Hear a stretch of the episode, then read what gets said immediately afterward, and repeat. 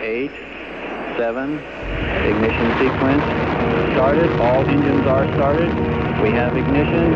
Two, one, zero. We have a liftoff. Welkom bij Sterrenstof, een programma over astronomie en ruimtevaart. Met interviews, het allerlaatste astronomie- en ruimtevaartnieuws en de sterrenhemel van deze maand. Presentatie Anko van Hal. Ja, hallo, wat gezellig dat je weer luistert naar aflevering 14 alweer van jouw astronomie- en ruimtevaart talkshow Sterrenstof. Live vanuit het mooie Pearson te Amsterdam. En ik heb dit keer weer eens een gast uitgenodigd die gaat praten over een zelfgekozen astronomie- of ruimtevaartonderwerp. Heel spannend. En dat is Reinder Storm. Hij is conservator cartografie, geografie en reizen van het Pearson. Ook in deze uitzending natuurlijk onze vaste rubrieken. De vraag van de luisteraar hebben we weer. Astronomie en ruimtevaartnieuws in het kort de tip van de maand en de sterrenhemel van de maand 2022.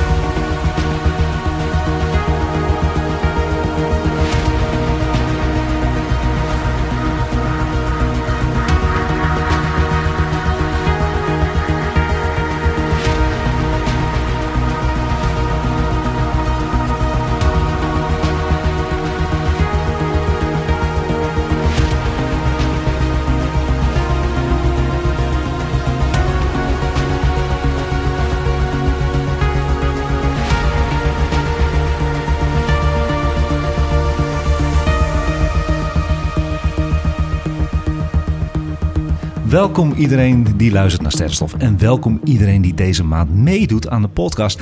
En we hebben een nog vollere bak dan vorige week. Dus wat een eer. Wie heb ik allemaal aan tafel? Wie wilde beginnen? Hallo. Helemaal over tafel.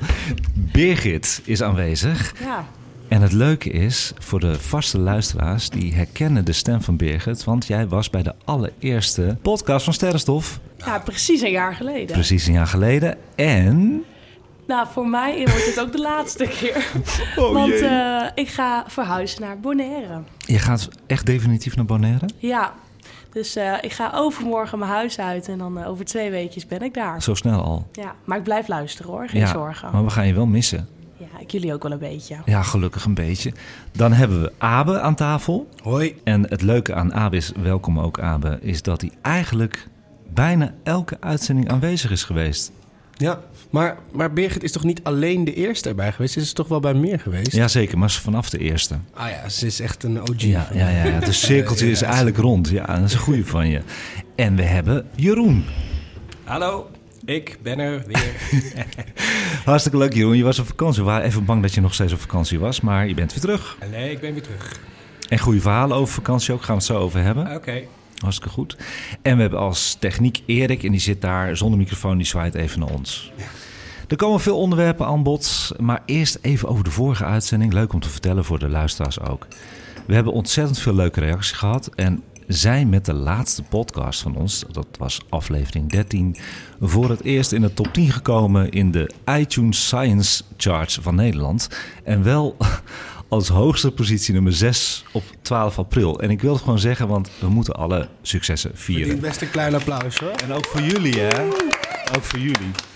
Jongens, jongens, jongens, wat is dat fijn. Daarbij ben ik nog wezen praten over de Dag van de Ruimtevaart bij het BNN-varenprogramma Vroeg bij de NPO in Hilversum.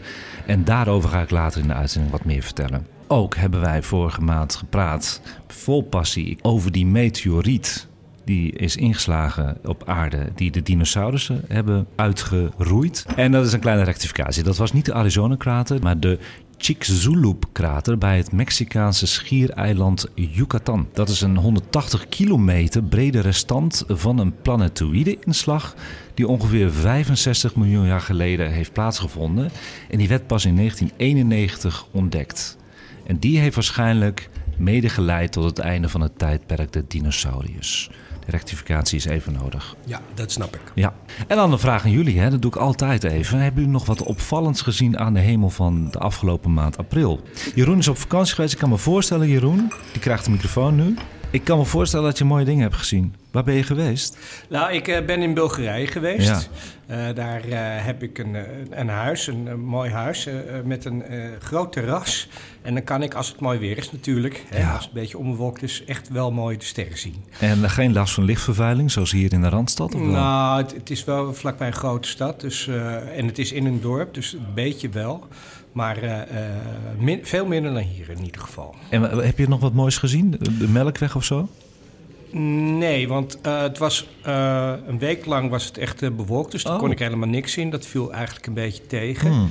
En ik heb er geen verstand van, hè? daarom zit ik hier ook een beetje erbij. Dus ik heb Ja. eh, gedacht, laat ik eens wat eh, apps eh, eh, downloaden, zodat ik er wat meer verstand van krijg. Oh, wat mooi zeg. En, ja, ik heb eh, twee apps, want ik, ik weet het niet, dus even uitproberen. Ja, Night ja. Sky en Starwalk. eh, Starwalk heb ik eh, gedownload. En zijn dat gratis apps, Ja, Jeroen? dat is het. Nou, je, je kan hem eh, ook betalen, maar dan krijg je Mhm. wat meer, geloof ik. Maar ik, ik, ik wilde het gewoon eventjes uitproberen. En ehm, ja, dat is wel leuk, maar het is best wel ingewikkeld, moet ik eerlijk zeggen. Ja, Hè, ik krijg allemaal sterrenbeelden wel te zien. ja. Vaak heel erg mooi getekend, maar dan zie ik die sterren niet meer. Dus dat is ook wel een beetje... Ja, wat ik geloof, dat is waar, dat klopt. Je krijgt hele mooie, en daar gaan we het zo ook over hebben, over sterrenkaarten. Dit zijn heel romantisch afgebeeld. Ja. En dat doen ze ook op die apps. Maar die kun je ook uitzetten. Ja, ja, ja, dat heb ik ook. En dan zie je alleen de sterren. Ja. Dat zou je kunnen doen. Ja. Maar wat een goede tip zeg, hé. Ja, Ja, ik ken ze wel. Ik heb zelf Starwalk. Dan betaald natuurlijk. Want ja, je bent een nerd of niet. Dus ik Mhm. heb hem betaald. Dus eh, wat dat betreft een hele goeie. En Birgit, heb jij nog wat leuks? Want ik moet wel even zeggen bij Birgit, en Birgit weet altijd wel wat. Als ze bij ons in de uitzending was, was jij eigenlijk altijd de enige die altijd met die maan bezig was. Ja, ik, ik vind gewoon de maan, omdat Ja. je die zo goed kan zien en je kan Ja. altijd details zien. Ik ben daar gewoon een beetje geobsedeerd door. Ja. Dus eh, En waarom, eh, en waarom is dat gewoon? Omdat hij zo mooi is? Of dat hij zo duidelijk is? Ja, bij jou? je kan gewoon zo goed zien dat het een andere planeet is. Nou, het Dus- is geen planeet, maar een of ja, maan. Ja, een Ja, maan. Ja, dat een hemellichaam ander- bedoel ja, je? Ja, ja, bedoel precies. Dat vind ik gewoon heel interessant. Dat zeg maar zo het benadrukt van... oh ja, wij zitten in een heel universum, een heel in heelal. Ik vind dat heel leuk. Het is gewoon een bewustwording van je. Ja. Ja. En ik vind het gewoon... En hij verandert ook altijd of weer een andere kleur, andere vorm. En eh, dan zie je hem overdag en dan weer s'nachts. Ik vind...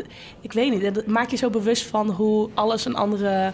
eh, ja, hoe de baan volgt. En dat, ik vind dat gewoon heel interessant. Mhm. Ja, maar dat is ook wat ik eigenlijk wil eh, doen hè, met deze podcast. Dat mensen iets meer naar boven kijken. Daar sluit ik ook altijd mee af.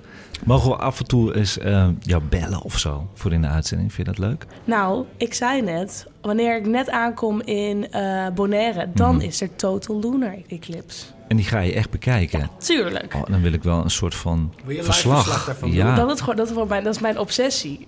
luisteraars, horen jullie dit? Heb je dit nou beloofd? Ja, is goed. Ja Dan kun je hoor. gewoon in je telefoon inspreken, hè, dat live verslag. Wil je dat doen? Pinky promise. Oké, dan gaan we dat uitzenden En een hier. foto voor de gram. Ja. Foto voor de gram gaat helemaal goed komen. Yes! We hebben correspondent officieel. Mijn ervaring, ik ben altijd bezig met, met eh, ik kijk Rijn er ook aan, dan weet je een beetje hoe ik in elkaar steek. Ik heb een balkonnetje in Amstelveen, heel veel lichtvervuiling, maar dat is mijn uitdaging. Ga ik met mijn fotostel en statief, ga ik altijd de samenstanden fotograferen indien helder. En dan eh, heb ik het er zelf over om heel vroeg op te staan. Dus om vijf uur ochtends, voordat ik moet werken. En het is me gelukt om s'avonds dit keer de planeet Mercurius te fotograferen. Dat hele kleine planeetje dicht bij de zon. Als je die kan spotten in de avondschemering, hij gaat natuurlijk ook heel snel weer onder. Hij staat heel dicht bij de zon. Is me gelukt. Ik heb hem gefotografeerd, op Instastory gezet en iedereen was er helemaal weg van. En hij blijft nog eventjes hoor, daar ga ik zo meteen over hebben. Dan kun je nog even naar kijken, naar Mercurius s'avonds. En ik heb op 2 april een foto gemaakt van een zeer jonge maansikkel. En eh, die was maar anderhalve dag oud, dus na nieuwe maan. En wat krijg je dan als je een hele kleine maansikkel hebt? Krijg je het aardlicht te zien. En eh, wat is aardlicht eigenlijk precies? Dat heb ik nog even uitgelegd in een audiogram op Instagram. Oh, wil je- ga je het niet nu nog een keer een klein beetje zeggen? Nee, dat is de teaser op Instagram. Dan gaan mensen weer lekker naar Sterrenstofnieuws op Instagram. En Reinder wil ook nog wat zeggen? Want ja, deze maand was ik twee etmalen op zee met de Eendracht. En als je het dan over lichtvervuiling hebt, denk je... oh, dat is chill op zee, daar kun je alles goed zien. Hè, daar is helemaal geen licht naar vergeten. Het is berendruk op de Noordzee. Echt? Met booreilanden, met eh, windmolens, met tankers en andere schepen. Niettemin hebben we toevallig in die twee etmalen waanzinnige beelden gehad van de volle maan. Ja. De zonsopkomst, de zonsondergang. Maar met name die maan was heel spectaculair. Aan boord heb je dus wisseldiensten waarbij je verschillende taken vervult aan, eh, als, als opstapper. Ja. En eh, daar was dus een, een, een prachtige lichtweg op de zee. Met de maan erboven die onderging. En eh, wij zelf aan het roer. Ja, dat zijn echt wel hele magische momenten. kan Mooi verhaal. Maar wat zeg. deed jij daar op zee? Ja. Nou, ik, ik was eh jarig geweest. En eh, als eh, geschenk van vrienden en familie had ik twee etmalen op de, op de Eendracht gekregen. Dat wilde ik heel graag. En dan niet een dagje van, goh, daar zie ik Scheveningen en daar is de Tweede Maasvlakte. Nee, echt zo ver dat je om je heen eigenlijk alleen nog maar zee ziet. Wow, nou, en twee, twee etmalen zijn dan genoeg. Dat was heel mooi. Nou, we zijn toch met Reiner bezig, dus we gaan even door. Je mag wel een koffie nemen nog, een slok koffie. Ik heb trouwens ook koekjes voor iedereen. Het is duidelijk dat we koffie hebben, geloof ik nu. Het is een podcast, dus het is een soort hoorspel, hè? Het gaat gewoon door. Reiner, dankjewel voor het geluid. En dankjewel dat je hier bent, want je gaat over een onderwerp praten. Ik heb natuurlijk al een beetje iets weggegeven dat je een cartograaf bent van Arnold Pierson. Wat houdt dat nou precies in? Nou, Allard Pierson is eigenlijk de opvolger, rechtsopvolger, onderdeel van de bibliotheek van de Universiteit van Amsterdam. Ja, We bewaren daar al sinds eh, de middeleeuwen eh, boeken eh, en andere objecten. In de loop der eeuwen zijn daar vooral eh, handschriften, prenten, foto's, kleitabletten, uitgeversarchieven, eh, stripboeken, kostuums, requisieten, you name it. heel breed. Muziek. Mhm, ja. van alles is daarbij gekomen. Ja. Bovendien is de organisatie ook een beetje gaan, gaan mergen met het Allard Pierson, voormalige Allard Pierson Museum. Mhm. Dus archeologische objecten. Nu zijn we eigenlijk een soort koepel voor alle erfgoedcollecties van de Universiteit van Amsterdam. En sinds heel lang maken kaarten en atlassen ook deel uit van die bijzondere verzamelingen. Ja, Dat heeft ook heel erg te maken met de geschiedenis van die industrie in Amsterdam. Want met name in de 17e eeuw was Amsterdam gewoon het, het mondiale centrum van de cartografische productie. En daar zijn eh, waanzinnig veel atlassen en kaarten gemaakt. Met eh, ja, werkelijk on- ontelbare voorstellingen. Je kunt je er werkelijk geen, geen indruk van vormen. Ik ben zelf letterlijk bijna iedere dag nog weer verbaasd. als ik zie wat voor materiaal hier allemaal terechtgekomen is. En Ja. hoe ongelooflijk rijk eh, die collecties zijn. Omdat er ook allerlei invalshoeken te bedenken zijn. Er zijn zeekaarten, er zijn kaarten van steden, van provincies. Eh, van rivieren, you name it. Hè. Dat, Ja. dat, dat is werkelijk onbeperkt. En eh, hè, toen jij eh, vroeg of ik hier wilde zitten en koffie drinken en een koekje eten en wat vertellen, dacht ik natuurlijk meteen ook hè, mm, aan, als aanvulling op wat ik net dan opzomde, aan hemel- en sterrenkaarten. Ja, prachtig.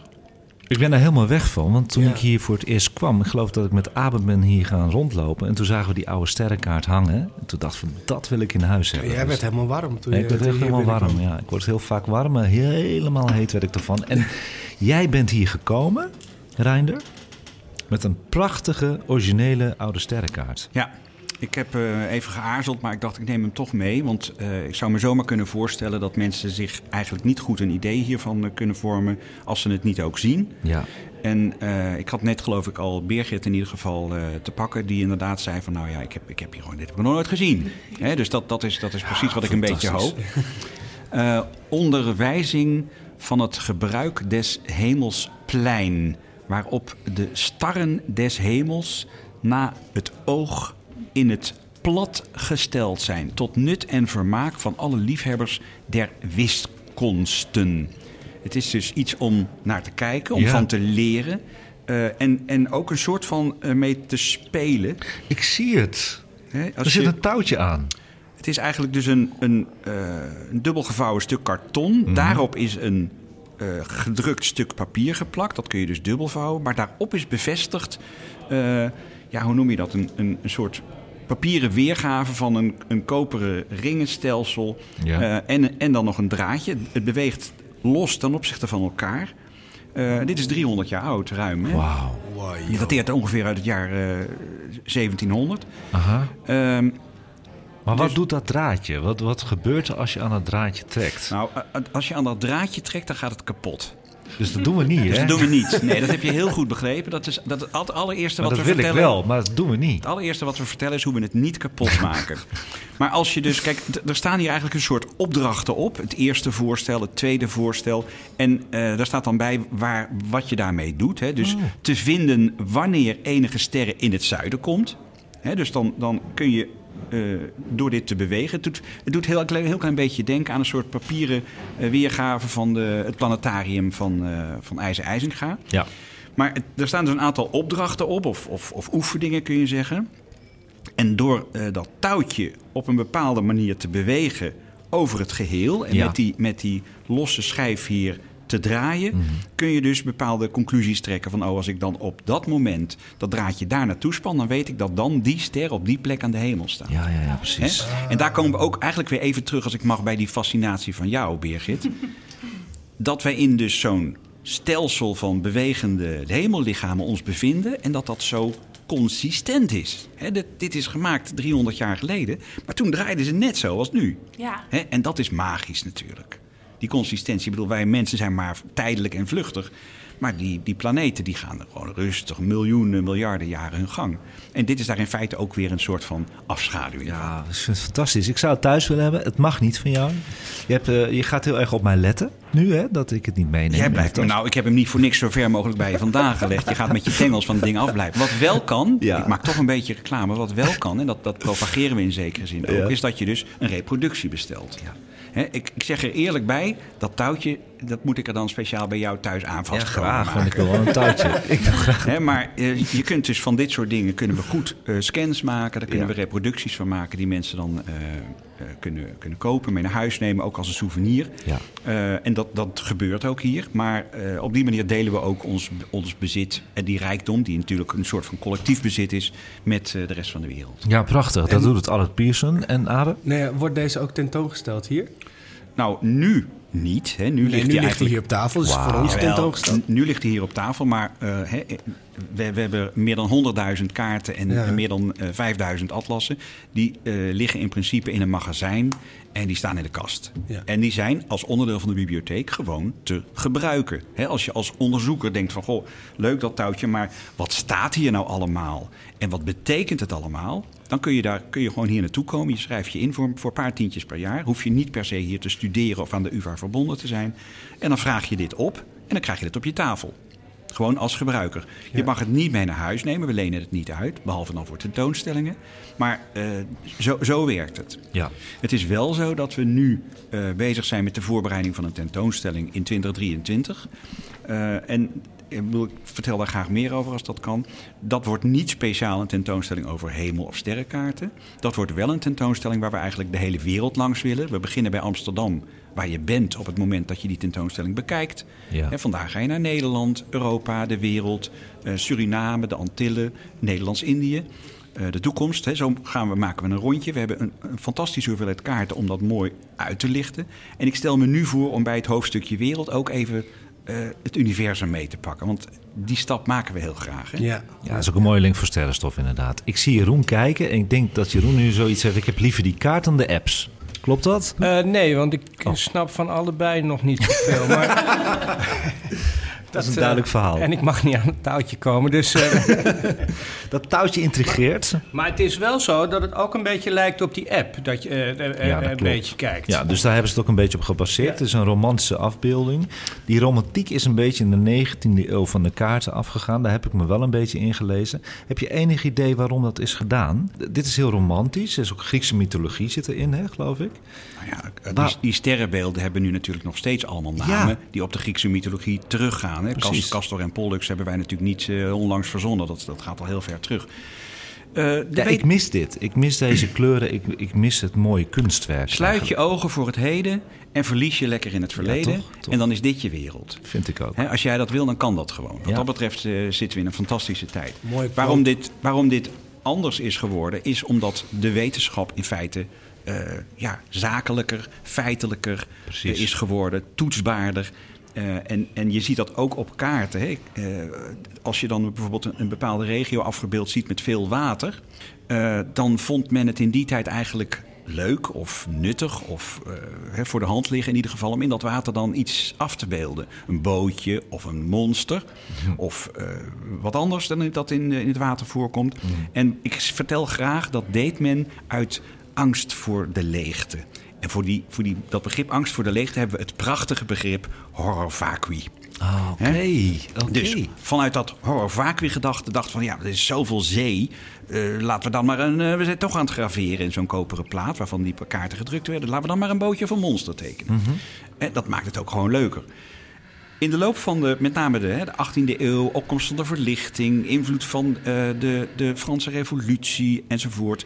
eh, in- in, de 18e eeuw eh, gaat dat al een beetje verdwijnen. En zie je die kaarten betrouwbaarder, correcter, Ja. feitelijker worden. En dan beginnen mensen ook te denken van ja, god, dat bootje, eh, vergeet het. Hè, dat, dat gaan we niet meer doen. Dat is een beetje onzin eigenlijk. Precies. Want eh, we, gaan, we gaan netjes op de kaart zetten wat erop staat en de rest laten we weg. Ja. Nou, dan worden die oceanen inderdaad opeens heel groot en leeg. Maar daar waren ze ook blijkbaar niet meer bang voor. En zo is het ook een beetje met die sterrenbeelden. Kijk, ik denk bij sterrenkaarten meer nog bij landkaarten. ehm, men, als voor zover men gegevens gebruikte, w- werd dat heel erg eh, overgedragen door, door leren, door vertellen. Hè, van daar staat die ster en daar staat die. Op basis van een kaart je oriënteren op de werkelijke sterrenhemel is echt moeilijk. Ja, Dus, dus er wordt inderdaad een romantische voorstelling gemaakt. En dan zijn die sterrenbeelden die kreeft heten of eh, leeuw of wat dan ook. Ja, die worden of grote beer. heel mooi geschilderd. Nou ja, maar dat zijn, Ja. natuurlijk, dat zijn natuurlijk begrippen die- waar we ons prima iets bij kunnen Ja, voorstellen. zeker. Veel beter dan bij die paar puntjes waar je niet eens een kreeft of een beer in herkent. En waarschijnlijk daarom heeft de app dat er ook erbij gezet. Om die verbeelding ook een beetje aan te wakkeren. En om het gewoon een beetje. Want het is waar hoor. Je ziet bijna niet. Kijk, bij alleen maar sterrenbeeld leeuw kun je het heel goed zien. Dat het een leeuw is aan de hemel bijvoorbeeld. En bij Orion de jager kun je heel goed zien.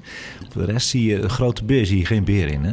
Sterker nog, zelfs dan volstaat niet eh, een, een zootje sterren. Maar Nee. zeggen we het stilpannetje. Het stilpannetje. Dat, dat herkennen we wel. Maar ja, ga jij echt- maar een, een stilpannetje schilderen in zo'n kaart. Nee, Het ziet er niet uit. Saai, gaan we niet Dus doen Die natuurlijk. beer is veel leuker. ja. Ja. Weet jij ook misschien, Reinder, want ik weet hier heel weinig van af. En dat is juist zo leuk dat jij erbij bent. Wanneer de eerste sterrenkaart is gemaakt? Ehm, nou, laat het eens zijn eh, eind 16e eeuw. Mhm. Dan, dan beginnen de eerste zeemansgidsen te komen. Ja. En daar staan dat soort dingen wel in. Of die mensen dat echt hebben willen gebruiken, is de vraag. Nogmaals, aanvankelijk was de informatie voor... want het is primair voor zeevaart van belang. Aanvankelijk was de informatie voor dat soort zeelieden onderling best beschikbaar. Ja. Maar ze vertelden aan elkaar. Voor, dat, dat er voor het eerst wat gedrukt werd met informatie... dat waren kaarten met alleen maar tekst. Hè. Dat heet ook een leeskaart. Ja. Eh, en daar staat zoiets in als van eh, hè, als je eh, bij, bij Texel bent en je wil tussen Texel en Vlieland door, dan moet je een beetje links aanhouden, want daar is de vaargeul dieper. Dat soort, dat soort praktische aanwijzingen Precies, staan precies. erin. Pas later, in tweede instantie, dat is dus tweede helft 16e eeuw, beginnen daar kaarten van gemaakt te worden. Eh, en dat zijn, gebeurt dan in boeken met ook wat praktische aanwijzingen voor zeelieden. En daar staan ook de eerste sterren in. En daar staat dus ook in hoe ze op de sterren eh, kunnen meten waar ze zijn op de planeet. Of, eh, Echt navigeren, hè? Ja. Voilà, navigeren. Zeker, navigeren. zeker. Een boek dat ik hier in ieder geval even moet noemen, Ja. omdat dat het, het mooiste boek is met hemelkaarten, is de Harmonia Macrocosmica van Andreas Celarius. Kijk eens aan. Allemaal opschrijven. Ik ga het zeker opschrijven. Je zou het niet zeggen, maar hij heeft dat in Enkhuizen gemaakt. Of horen, een, een van twee. Hij heeft een heel dik boek gemaakt. En dat heeft hij alleen maar gepubliceerd in het Latijn. En ja, ik weet niet hoe het met jullie Latijn is, maar dat is in feite letterlijk voor iedereen een gesloten boek geworden. Waarom is zijn boek toch heel beroemd? Eh, dat komt voornamelijk door de platen die erin staan. Hij heeft een stuk of, er zitten 25 platen in en die zijn waanzinnig mooi. En dat is ook een van de platen die je aan de muur hebt zien hangen hier, waar jij zo heet van werd. Die moet ik hebben. Jij, jij luistert heel goed naar mij. Ik ook naar jou. Daar word ik heel heet van. Die moet ik hebben. En dat is ook een hele goede tip. Wat ik me wel afvraag, is het zijn kunstwerken. Zaten daar nou echt wel echt eh, goede artiesten achter? Ik denk op zich, eh, wat er vooral achter zat, wa- waren goede vaklui. Ja, ja. Hè, maar eh, van dit soort mensen die dit soort dingen maakten, kennen we de namen hoegenaamd niet. Zonde, hè? Nee. Nou, vergeet niet, we leven nu in een tijd waarin onze individuele eh, prestaties Ja. en identiteit heel belangrijk Precies. is. Hè, we willen allemaal ons eigen plekje op het web, op Facebook, Ja, op. ja. Iedereen die een stukje in de krant schrijft, zet zijn naam eronder. Nou, 100 jaar geleden totaal Dus niet. hier op deze mooie kaart staat helemaal geen, eh, geen naam Nee, ja, van de uitgever. van de uitgever, maar niet Want van die- wie het gemaakt heeft. Meestal niet. Ongelooflijk. Meestal niet. Dat, dat is in minder dan 5% van de gevallen eh, kun- kunnen we daar een naam vinden van een maker of een graveur. Ja, dat, ja, dat, ja, was. Dat, waren, dat waren anonieme ambachtslieden. En dat, dat vond iedereen heel gewoon. Wat interessant is dat eigenlijk, zeg. Nou ja, dat, dat raak je dus een beetje filosofisch. Dat je gaat nadenken van, goh, hoe relevant is eh, blijkbaar ooit de identiteit niet geweest Nou, voor dat mensen. vind ik ook, ja. En nu voor ons wel. Hè? Ja, Eh, ja zo mooi ging is dat. En Jeroen, we doen een vragenrondje even aan Reinder. Heb jij nog een vraag aan Reinder? Ja, eh, mijn vraag is, kan je deze kaart, is dat voor de hele wereld, dus ook het zuidelijk en het noordelijke halfrond? Nou, de- deze niet, maar die zijn er, al- ze zijn er allebei. Oké. Ik weet niet of jullie zelf wel eens in de gelegenheid zijn geweest de zuidelijke sterrenhemel te bekijken. Zeker. Ja. Een absoluut uitzinnige ervaring. Ja, als, je de- als je die, die saaie, donkere troep hier aan het noordelijk halfrond gewend bent. Ik was helemaal sprakeloos, wekenlang. Ja, je ziet de Melkweg beter, even voor de luisteraars. Je ziet ook wat, wat wolken, de Magelhaanse wolken zie je. Dat zijn ook sterrenclusters, dat is prachtig. Hebben wij niet op het Noordelijk Halfrond, nee. Nou, je, je kon erbij lezen, bij Ja, wijze van mooi, spreken. Het was Ja. totaal waanzinnig. Ja. Maar goed, voor een atlassenmaker in die tijd was het vanzelfsprekend dat je eh, de sterrenhemel betrok bij je concept van het wereldbeeld. Ja. Je kocht ook niet een aardglobe, je kocht in principe een paar globes. Zoals wij een paar schoenen kopen. Aardglobe en hemelglobe. En die hemelglobe is in feite een ronde grafische weer, of een, een, een, een, een ruimtelijke weergave van wat je hier plat ziet. Heb jij het idee, dat krijg ik nu, dat ze vroeger veel meer bezig waren met de hemel en bewust zijn waar ze waren in de plek van het Zeker. heelal dan nu? Want ik heb het idee, want daarom doe ik sterrenstof eigenlijk, dat mensen eigenlijk niet meer zoveel omhoog kijken. Hm, hm. Ik, ik snap wat je bedoelt. Ik denk dat dat zeker geldt voor, eh, voor zeevaarders. Ja. Voor, voor hun was gewoon de kennis van de hemel, Ja. kunnen varen op de sterren, om je te lokaliseren, om afstanden te bepalen, om koers te bepalen, was gewoon cruciaal. Gewoon echt 100% cruciaal. Dus dat bewustzijn is bij die mensen zeker groter geweest. Bij mensen die nooit van, eh, van hè, de echte landrotten zal het minder geweest zijn. Ja. Alhoewel, denk ik, de stem van de seizoenen en dus toch bepaalde hemellichamen wel degelijk zwaar Ja, de zijn. piramides eh, zijn bijvoorbeeld gemaakt in de Orion-vorm. En dan heb je natuurlijk ook Stonehenge. Precies, ja, precies. Dus dat is natuurlijk ook wel op het land Ja. gemaakt. Precies. Mooi, mooi, mooi, mooi. Wa- Wat ik me nog wel afvraag is... ehm, kijk, zoals je, als je de wereldkaart ziet die plat is afgedrukt... dan is bijvoorbeeld Groenland is bijna even groot als Noord-Amerika... terwijl Ja. dat in werkelijkheid Ja. absoluut niet zo Nee. is. En hier heb je ook een 2D-weergave Ja. van... Zijn hier ook daardoor bepaalde afstanden tussen hemellichamen Tuurlijk. totaal anders? Tuurlijk. Maar hoe lossen ze dat dan op voor bijvoorbeeld de zeevaart? Want ik kan me voorstellen dat dat heel verwarrend werkt. Ik denk dat die zeevaarders in de eerste plaats gewoon naar boven keken. Oké. Die, die, die kaart is een beetje als onderdeel van, hè, wat ik net zeg, een- zo'n zo'n wereldatlas. Zaten net als, net als bij moderne atlas, een wereldkaart en wat detailkaarten van de regio. Meestal begint dat met de plek waar dat boek gemaakt wordt. Ja. Maar de hemel hoort daar gewoon bij. Ja. En, en, en dat is eerlijk gezegd zelfs ook met moderne atlassen nog steeds zo. Je zult Ja. altijd ook eh één of twee pagina's daarin aantreffen met eh, de maan, de zon, de plek van de aarde ten opzichte van de zon. Misschien nog een, een, een plaatje van het heelal om, om gewoon even het, het plaatje rond te maken. Ja. Hè, maar eh, mensen die, daar echt, die dat echt nodig hadden, die keken niet op een kaart. Ja, behalve dan om te kijken, hoe zien die sterrenbeelden eruit? Waar staan ze ten opzichte van elkaar? Daar Ja. kon je dan wel een beetje een beeld van vormen. Reinder, ik vind het een, een heel mooi verhaal. Wat je, en het- Fijn. Ik, ik heb aan je lippen gehangen. Ik heb voor het eerst ook eh, minder gezegd dan ooit. het komt dat ik heel goed heb geluisterd. Even praktisch gezien, hè? Mensen die naar Allard Pearson willen komen Ja. nu, die geïnspireerd zijn door jouw verhaal. Ja, het zou heel mooi zijn. Ja. Kunnen ze ergens eh, dit bekijken nog? Nou, in ieder geval hebben we in het, eh, in het, in het live gedeelte van eh, het Allard Pearson waar we nu zijn, hebben we de geozone ingericht. Ja. Eh, daar zijn een paar reproducties te zien. Ehm, en die moeten je, eh, je eh, appetite een beetje wetten om eh, verder te zoeken. Ja. We gaan een tentoonstelling maken. We hebben wat spullen op het web staan, hè, in onze beeldbank. En en op die manier is het relatief makkelijk toegankelijk. We hebben niet een vaste opstelling van deze kaart. We hebben wel als onderdeel van de vaste opstelling van Nijl tot Amstel altijd een paar kaarten hangen. Maar dat moeten we regelmatig wisselen, want anders hangen ze te lang in het licht. Altijd de moeite om hier te komen dus. Wel een primeur voor voor sterrenstof. Want deze kaart, die heb je voor ons meegenomen, is zijn foto's van gemaakt. Ja. Zo net. Ja. En die kunnen ze bekijken op onze Instagram. Heel goed. Laten we dat maar gewoon doen. Heel goed. Met jullie getagd erbij natuurlijk. Albert Pierson Oh, erbij, top. erbij, alles top en eraan. Iedereen die aan tafel zit wordt getagd. En jullie kunnen die hele mooie kaart zien met het beroemde touwtje eraan. Met, met het beroemde touwtje. Nou, ik zei net hè, dat ik regelmatig nog eh, voor verrassingen kom te staan. Ik zeg je eerlijk, dit touwtje heb ik gisteren ook voor het eerst gezien. Ik meen het. Iedereen gaat echt speuren naar het touwtje. Dankjewel Reiner voor je komst. En in ieder geval wil ik je vragen, blijf je zitten voor de rest van de uitzending? Natuurlijk. Vind ik hartstikke leuk. En dan kan ik ook, heb ik tijd om een koekje te eten. Zeker, gaan we nu doen. Dankjewel Reiner. En dan gaan we nu naar de vraag van de luisteraar. En die is van Alexandra Smit. Hey Anko, ik zat net dat nummertje te luisteren. The Clouds Across the Moon van de Raw Band. En heb je dat eh, ultiem dramatische gesprek tussen die vrouw en haar lover in de ruimte. En dan ja, wordt de verbinding weer verbroken. Wat ik me wel eens afvraag, hè. We zijn dan zo ver dat we naar de ruimte kunnen reizen. En we hebben al wat eh, indrukwekkende reizen achter de rug. En dan vraag ik me af, hoe blijven we toch in contact met die mensen? Want ja, ik heb soms gewoon eh, op een eiland of zo dat ik daar ben... en dat ik niet eens bereik heb met mijn mobiele telefoon. Hoe kunnen ze dan nog steeds contact hebben als ze zo ver weg zijn? Weet jij daar misschien het antwoord op? Ja, dankjewel Alexander. Wat een leuke en interessante ingesproken vraag. Wat vinden jullie ervan? Heel erg leuk. Ja, ik wist er ook eigenlijk niet zoveel van. Dus het was voor mij ook weer heel leuk om uit te zoeken.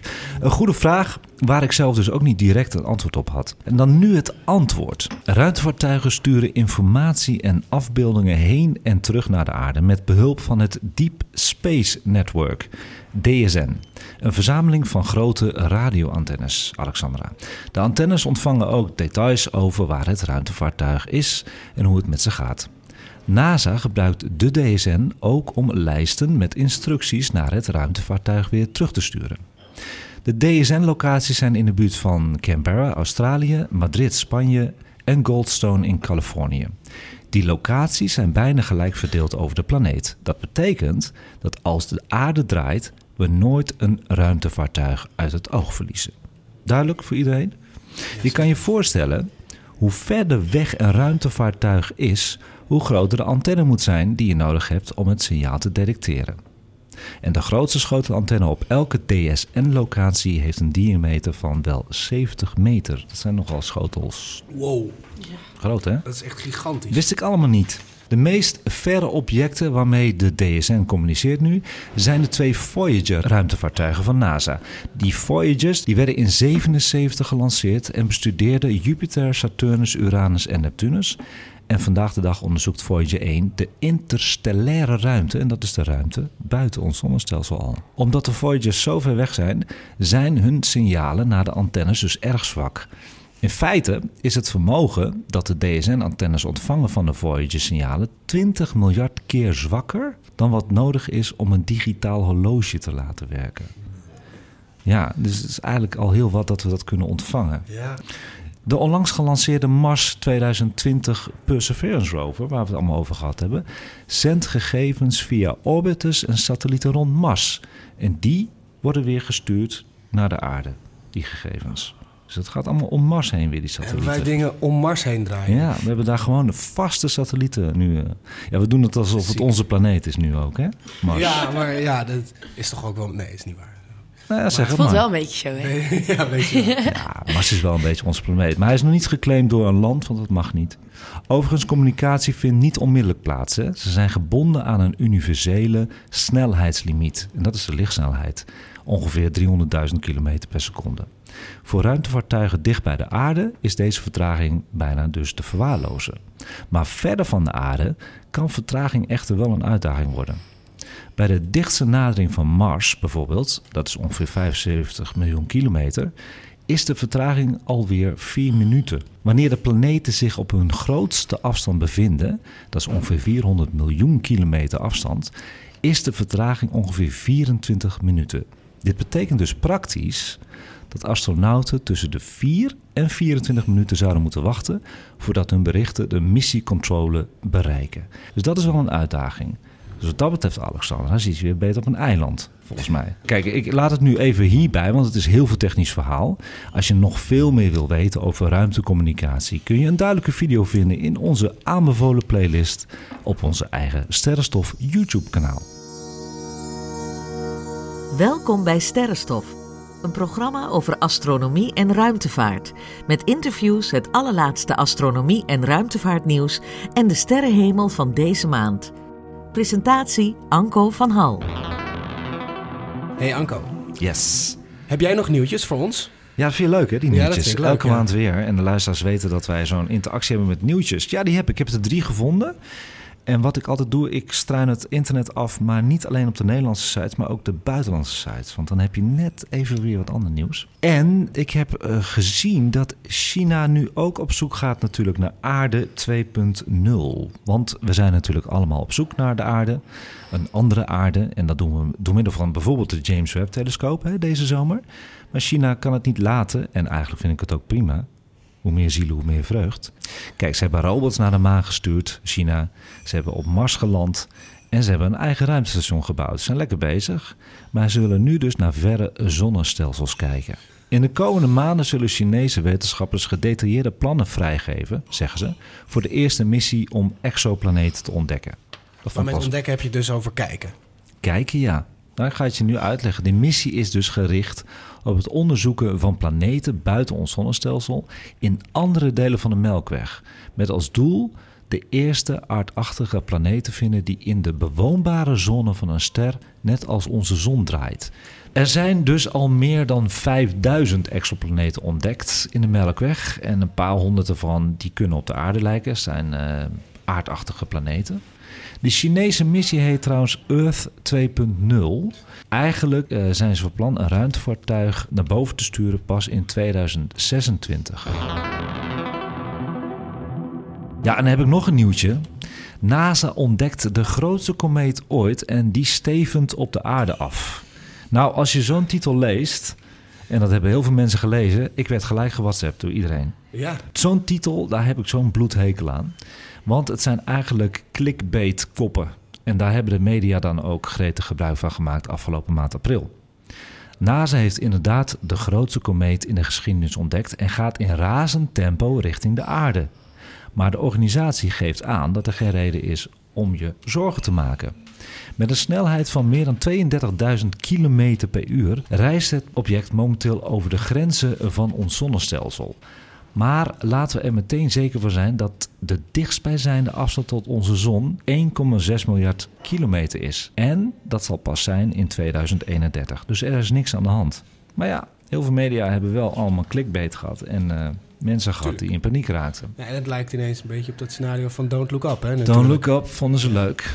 Maar ik krijg die appjes dan binnen. Ja. En dan weet ik het alweer. Ga eventjes googelen. Het werd voor het eerst waargenomen in november 2010. En toen was het 4,8 miljard kilometer van de zon verwijderd. Nu kunnen wetenschappers het duidelijker bestuderen. Deze komeet is letterlijk het topje van de ijsberg van enkele duizenden kometen... die te zwak zijn om in de verse delen van het zonnestelsel te worden waargenomen.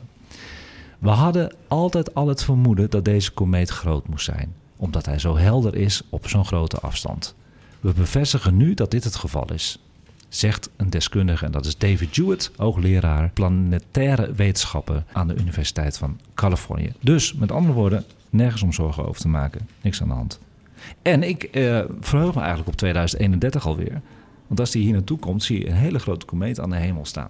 Oh, we gaan hem wel echt zien. Natuurlijk, hij is heel Oh, groot. wat maar, gaaf. maar, maar misschien, misschien een beetje een domme vraag, maar waar gaat hij dan heen? Gaat hij dan langs de... Ja, hij gaat, dat is een hele goede vraag. Hij Oh, gaat. Net zoals de planeten om de zon gaan, Ja.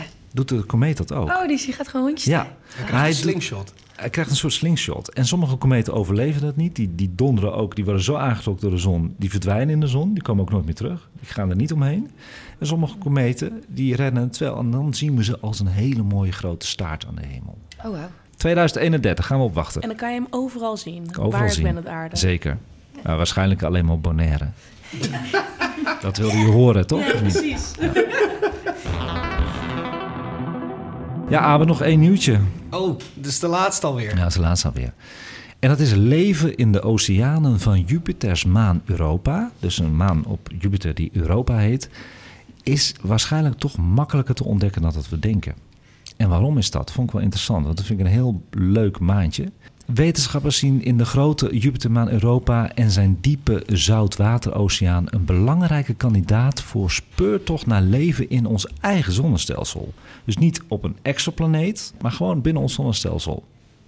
Maar het probleem is dat Europa, dat maandje, is omgeven door een kilometers dikke ijskorst. Dus het nemen van monsters staat het in de weg, zo'n dikke ijskorst. Nieuw onderzoek wijst er echter op dat deze ijskorst niet zozeer een starre barrière is, maar een dynamisch systeem en een leefbaar gebied op zich. Nou, hoe zit dat nou? Radarwaarnemingen die de vorming van een dubbele bergkam op Groenland hebben vastgelegd, wijzen erop dat de ijskorst van Europa een overvloed aan waterreservoirs zou kunnen herbergen. Als de ijskorst van Europa dezelfde dynamiek vertoont als dus in Groenland, kan dat betekenen dat er geregeld oceaanwater via barsten in die ijskorst naar het oppervlak wordt geperst. Is dat duidelijk voor iedereen? Ja. Een missie naar Europa staat gepland voor lancering in 2024 aan boord van een Falcon Heavy. Het ruimtevaartuig zal in februari 2025 zwaartekrachtondersteuning van Mars en in december 2026 de zwaartekracht van de aarde gebruiken, voordat het in april 2030 bij Europa aankomt. Dus zo lang doet hij erover naar Europa te gaan. Hij heeft wel die zwaartekrachtslingers nodig van Mars en de aarde. Wow, wat ziek. Maar daar staat dus momenteel nog geen rover of wat dan ook van de, dat, die we gemaakt hebben. Nee, er zijn plannen voor een Europa-lander-missie. Dat heet ook de Europa Lander. Maar daar is nog geen datum van bekend. Maar dat is wel de spannendste missie natuurlijk. hè? Ja. dat Want dan gaan ze echt spannend. boren en kijken naar het water van Europa. Sick. Ja, we gaan vrolijk verder met de uitzending. Maar we hebben ook een tip van de maand. Ah, Ja. tip van de maand. Ja, zijn jullie er klaar voor? Ja. Ik heb heel veel feedback gekregen van luisteraars afgelopen maand. In overvloed. En daar ben ik heel blij om. En onze luisteraars vragen eigenlijk om meer sterrenstofafleveringen per maand. Nou, ik kan je vertellen, dat gaat niet gebeuren. De reguliere uitzendingen blijven gewoon één keer per maand uitkomen. Maar ik kan je wel iets leuks vertellen. De gehele maand door is Sterrenstof gewoon actief. We hebben wekelijkse Insta-story nieuws en updates via onze Sterrenstof nieuws account. En er zijn elke maand nieuwe audiograms en shorts van een minuut te horen met tips en weetjes. En niet alleen op Instagram, maar ook op YouTube. We hebben elke maand vers toegevoegde Sterrenstof YouTube filmpjes. En je kunt zelf dus lekker interactief liedjes toevoegen die geïnspireerd zijn op astronomie en ruimtevaart in onze Sterrenstof muziek open playlist op Spotify. En nou heb ik vernomen dat onze gast, sidekick Jeroen, een heel leuk liedje heeft gevonden die hij wil toevoegen. Wat is dat? Ehm, ja, ik, ik- op de radio, Franse radio, hoorde ik Exploration van de Karminski Experience. Wauw. En eh, ja, dat was een heel verhaal, maar ik, eh, ik, ik ben bezig om het toe te voegen. Laat ik het zo zeggen. Nou, hartstikke goed. En iedereen kan het dus toevoegen op Spotify. Het heet Sterrenstof Muziek. Dat is de playlist. En als verrassing is er zelfs af en toe een heuse Sterrenstof Extra podcast tussendoor te horen via je favoriete podcastplatform. Dus Sterrenstof is eigenlijk nog veel meer dan alleen deze podcast. En over Sterrenstof Extra gesproken, zoals ik al in het begin van de uitzending kort vertelde, op 12 april werd ik dan uitgenodigd door de redactie van BNN-Vara om te komen praten over de Dag van de Ruimtevaart. En het was heel vroeg, vroeg in de ochtend, eh, vijf tot zes. Het, het programma heet ook vroeg. Dus het was eh, vroeg de auto pakken, vroeg wakker worden. Ik zat daar met de grote ruimtevaartpodcastmaker Hens Zimmerman. En Hens Zimmerman is eigenlijk een beetje mijn voorbeeld. En dat heb ik ook wel laten horen in de uitzending. Maar goed, eh, het was een be- beetje een David en Goliath verhaal. Hij is ehm, de podcastmaker van NPO over astronomie en ruimtevaart. En ik vond het fantastisch om bij hem te zitten. Het was de eerste keer dat ik hem ontmoette. Ik heb een teasertje voor jullie allemaal van de uitzending. Want jullie ondernemen op het gebied van ruimtevaart op aarde nu eigenlijk. En jullie hebben allebei een podcast. Hebben jullie wel eens gedacht van nou, ik ga kijken of ik in de ruimte kan investeren? Nee hoor. Nee hoor, absoluut kip. niet. Ik ben blij als ik rondkom, zeg maar. Mijn doel is met de podcast om mensen te laten verwonderen en meer naar boven te laten kijken. Meer relativeren. Vroege vragen. Waar gaan de komende vijf jaar eh, zich door kenmerken in de ruimte? Wat wordt het belangrijkste de komende vijf jaar? De James Webb eh, Space Telescoop en de terugkeer naar de maan, denk ik. En jij? James Webb sowieso. En we gaan naar de maantjes van eh, Jupiter en Saturnus. En dat zijn eigenlijk kleine planeetjes. En er gaat een helikopter vliegen over een maandje van Saturnus, Titan. En dat is de Dragonfly in 2026. Daar verheug ik me op. Is dit een wens of staat dit al, eh, Staat al, in eh, alle Google-kalenders? Zeker. Staat in de Google-kalenders. En een wens natuurlijk ook. Ja. Ben benieuwd. Dank jullie wel, Hens Zimmerman en Anko van Hal. Graag Ja, gedaan. bedankt. Ja, en dat is een stukje een teaser. Hè. Superleuk is het leuk? Ja, heel leuk. De gehele uitzending is nu te beluisteren via alle podcastkanalen van eh, Sterrenstof. En eh, ja, ik hoop dat jullie ervan genieten.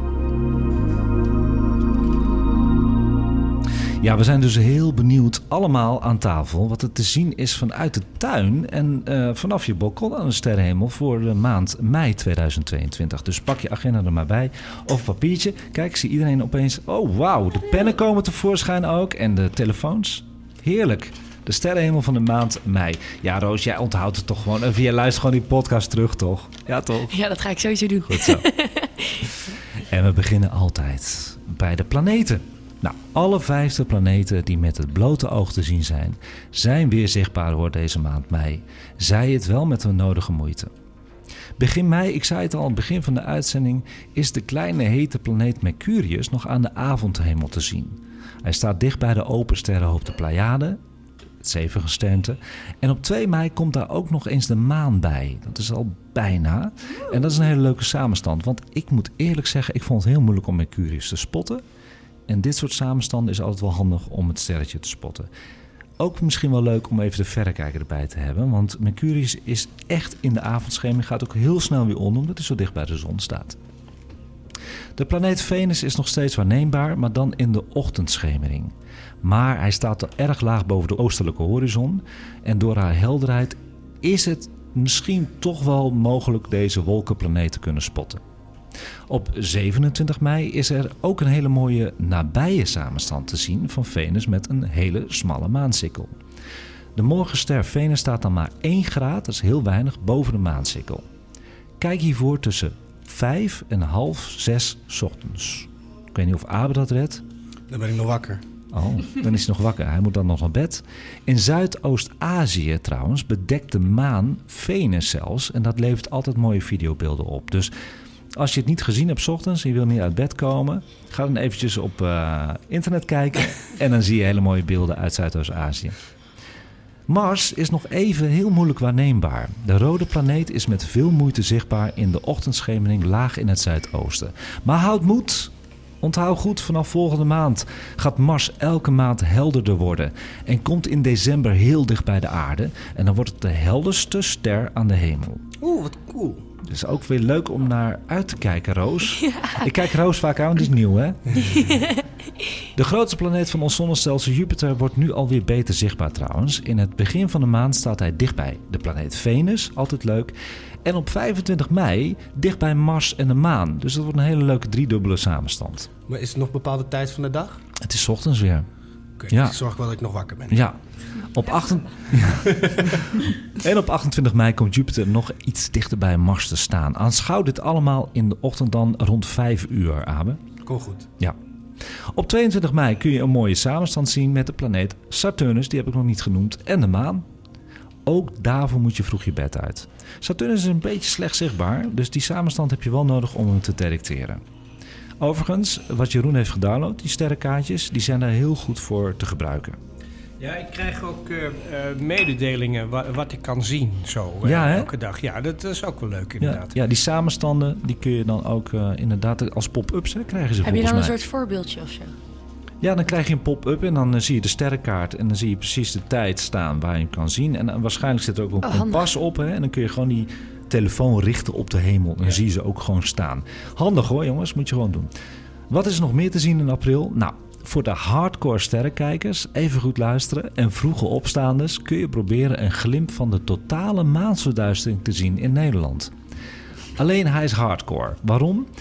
Hij vindt plaats in de ochtend weer van 16 mei. En bij ons in Nederland zal helaas alleen het begin van de totale maansverduistering te zien zijn. In de ochtend dus zeer laag boven de zuidwestelijke horizon. Nou, hoe werkt een maansverduistering ook alweer precies? Een maansverduistering doet zich voor wanneer de zon, de aarde en de maan op één lijn staan met de aarde in het midden. Oftewel, als de zon en maan in oppositie staan tegenover elkaar. Normaal weerkaatst de maan het licht van de zon naar de aarde, maar tijdens een maansverduistering staat de aarde in de weg en ontvangt de maan dus geen zonlicht. De maan bevindt zich in de schaduw dus van de aarde en wordt dus donker, oftewel verduisterd. Persoonlijk hou ik dus wel van dit soort ongunstige, moeilijke astronomische uitdagingen. Dus ik ga deze gedeeltelijke verduistering bij helder weer zeker proberen vast te leggen. Eh, de volgende trouwens uh, volledige maansverduistering in Nederland en België is pas weer op september, 7 september 2025. Dus misschien wel heel leuk om dit toch te gaan volgen en heb je er geen zin in, dan wacht je gewoon op mijn Insta-story en mijn foto's. Tot dusver de sterrenhemel, jongens, van de maand mei 2022. Heb je niet nog iets voor Birgit in Bonaire? Ja, ik ga lekker live verslag doen voor de maansverduistering. Birgit, jongens, uh, wordt onze correspondent. En tot zover Sterrenstof voor de maand mei 2022. Live vanuit het Allard Piercent Amsterdam. Je kunt mij mailen voor vragen, opmerkingen en tips over astronomie en ruimtevaart op sterrenstofnieuws.gmail.com. Je kunt Sterrenstof dus ook vinden op Instagram met die audiograms, nieuwtjes en eigen astrofotografie van de hemelverschijnselen van de maand. Volg ons dus op Sterrenstof Nieuws. Terugluisteren kan nu via alle bekende podcastplatformen. En ik wil iedereen bedanken die aan tafel was. Dat is Abe, Jeroen, Birgit en Reinder die al weg is. En Roos. En uh, Birgit, dankjewel. Nou, ik wil eigenlijk jou bedanken. Voor Waarom? Het, ja, gewoon voor en de gezellige podcast. En voor hoe goed het gaat. En gewoon de mogelijkheden. En ik uh, blijf zeker alles volgen. Ik vind het heel lief van je, dankjewel. En we houden contact met jou als correspondent. De techniek was in handen van Erik. Dankjewel iedereen. Bedankt voor het luisteren. Tot de volgende keer. En kijk eens wat vaker omhoog.